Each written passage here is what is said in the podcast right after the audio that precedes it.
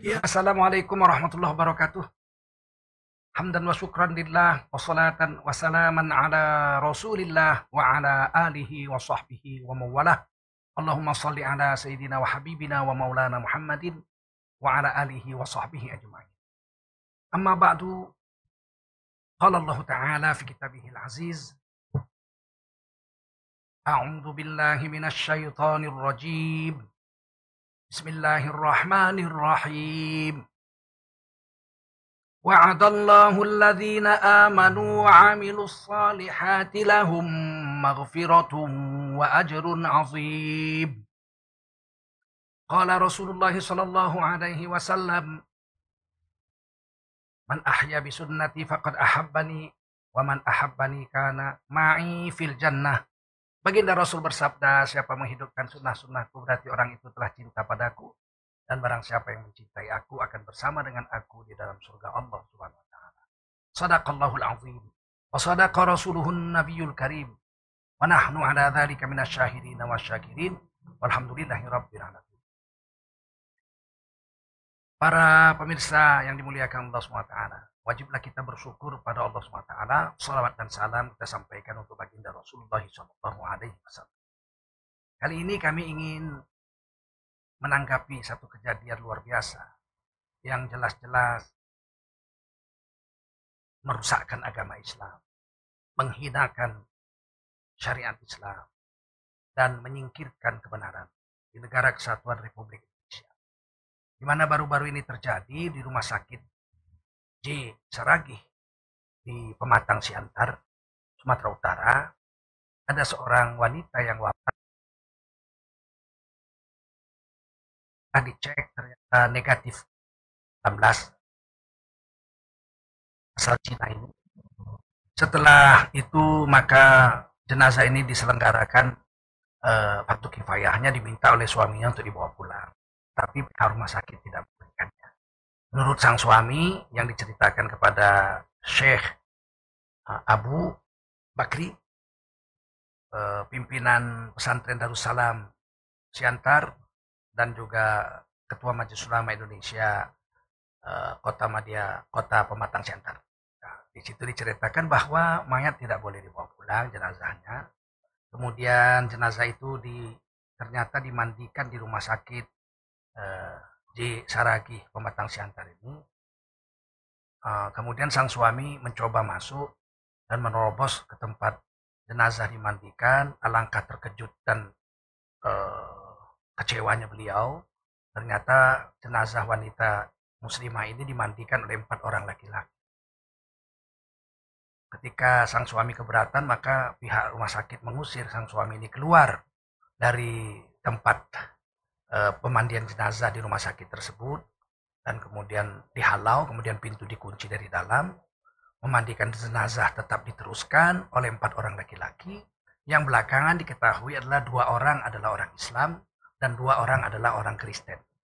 Ini sangat melukai perasaan sang suami um, melanggar syariat Islam dan juga melanggar Undang-Undang Dasar 1945 di mana pasal 29 ayat 2 negara menjamin tiap-tiap warga negara untuk memeluk agama dan garis miring ya agama garis miring kepercayaan dan menjalankan agama garis miring kepercayaan masing-masing ini ternodai.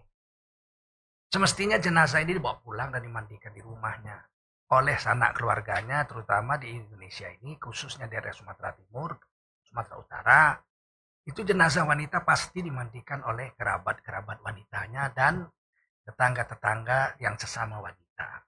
Meskipun dalam madhab syafi'i sang suami boleh memandikan istrinya, tetapi di daerah kami Sumatera Timur ini itu tidak lazim dilaksanakan.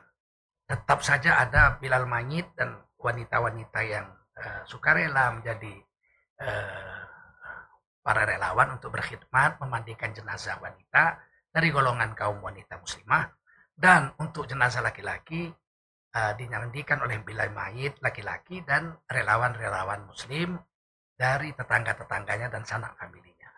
Ini sudah lazim di Sumatera Timur, khususnya wilayah Sumatera Utara ini. Karena di sini uh, bermadhab syafi'i hampir 100%. Uh, sebab dakwah daripada al-wasbiyah, itihadiyah, dan lain-lain. meskipun sebagian ada ber uh, madhab uh, tidak madhab syafi'i yaitu mengikuti ajaran Muhammadiyah tapi di Muhammadiyah lebih keras. Mereka tidak mau jenazah perempuan itu dimandikan oleh laki-laki. Sudah berlangsung sejak zaman Belanda sampai sekarang 75 tahun merdeka. Maka Abu Bakri Syekh Abu Bakri telah menemui sang suami, sang suami menemui beliau, diwawancarai dan direkam, kemudian diajukan eh, eh, apa namanya pertemuan di Majelis Ulama Indonesia Pematang Siantar dan kemudian eh, ini diajukan ke pihak rumah sakit.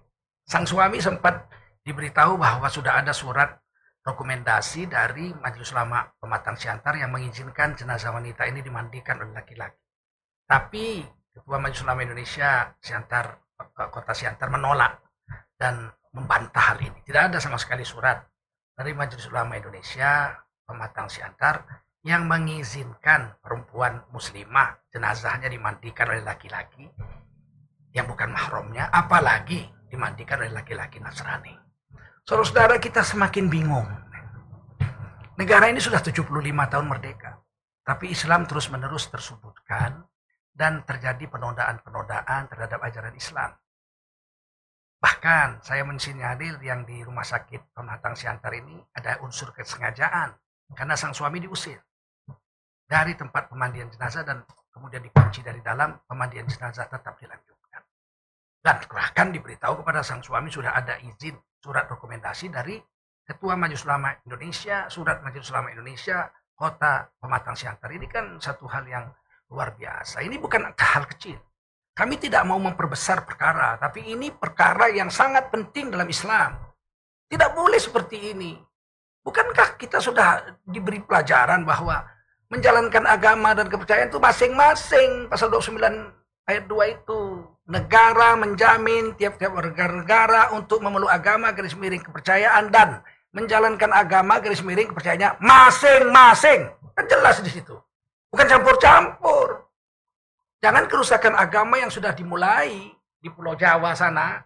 Ada orang selawat Nabi di gereja, eh, pakai kerudung, selawat-selawat di gereja. Bahkan ada beredar video macam-macam lah. Ini tidak bisa. Di Indonesia nggak boleh terjadi lagi nih ke depan. Terutama di daerah saya, kelahiran saya, Provinsi Sumatera Utara ini. Ini tidak boleh terjadi. Maka saya minta kepada pihak rumah sakit untuk menjelaskan sejelas-jelasnya, pecat ini orang kalau perlu. Kalau perlu Bapak Gubernur, Bapak Wali Kota Siantar berhentikan itu kepala rumah sakitnya. Bagaimana bisa terjadi seperti ini? Tidak merasa bersalah sama sekali. Suaminya diusir begitu, tanpa kompromi. Ini sama sekali tidak boleh dilakukan. Maka saudara-saudara pemirsa, memang kita harus prihatin ada negara yang semakin kacau seperti Bahkan melalui video ini saya ingin berpesan kepada Wakil Presiden Republik Indonesia Yai Ma'ruf Amin, Ketua Umum Majelis Ulama Indonesia sekarang ini. Ini harus diperhatikan betul-betul. Jangan sampai terjadi konflik besar nanti. Kalau terus menerus, terus menerus, terus menerus. Saya sangat khawatir negeri ini tidak lagi menjadi negeri yang damai. Apa sih salahnya? Memberitahu pihak suami Kemudian keluarganya akan datang memandikan. Empat orang wanita selesai itu. Dan ternyata kan tidak kena COVID. Kalau COVID kan tidak dimandikan prosedurnya. Ini dimandikan. Berarti nggak kena COVID. Alasan apa? Saya pikir tidak ada alasan apa pun yang bisa diterima. Oleh kita orang kaum muslimin. Dengan dimandikannya jenazah ini oleh laki-laki. Ini aja nggak bisa. Apalagi dimandikan oleh laki-laki. Selain yang bukan mahramnya itu tidak bisa kita terima. Jenazah dimandikan oleh laki-laki bukan mahram itu tidak bisa kita terima. Haram hukumnya. Apalagi dua di antaranya yang memandikan adalah orang Nasrani. Orang beragama Kristen. Bukan kaum muslimin. Sedangkan laki-laki muslimin aja tidak boleh memandikan jenazah wanita muslim. Lebih baik kalau memang tidak ada ya udah dikuburin nggak usah dimandikan. Sebab membuka aurat jenazah itu haram. Sama dengan membuka aurat orang hidup. Dalam kaidah usul fikih juga darul mafasid muqaddam ala jalbil masalih. Mengambil menghindarkan diri dari kerusakan, menjaga agar tidak terjadi kerusakan pada agama, itu didulukan daripada mengambil kebaikan daripadanya. Oh jenazah ini mau dimandikan ini baik ya tapi oleh laki-laki yang bukan mahramnya tidak baik berhentikan. Apalagi orang laki-laki yang bukan beragama Islam stop gitu. Nah, oleh karena itulah melalui kesempatan ini sekali lagi saya Tengku Zulkarnain menyampaikan keberatan uh, sebesar-besarnya dan protes sebesar-besarnya kepada Rumah Sakit Matam Siantar. Saya minta jelaskan dengan sejelas-jelasnya dan polisi usut ini. Bapak Bu Wali Kota Siantar usut ini. Kalau perlu berhentikan semua pegawai-pegawai yang terlibat. Dan kepada Bapak Gubernur Sumatera Utara dan Wakil Gubernur Sumatera Utara, saya berharap masalah ini diselesaikan dengan baik. Demikian, terima kasih. Semoga tidak terulang lagi. Saya Tengku Zulkarnain, ucapkan assalamualaikum warahmatullahi wabarakatuh. Ya Allah ya Basir Ya Sami'u ya Alim Ya Hayu ya Qayyum Birahmatika astaghith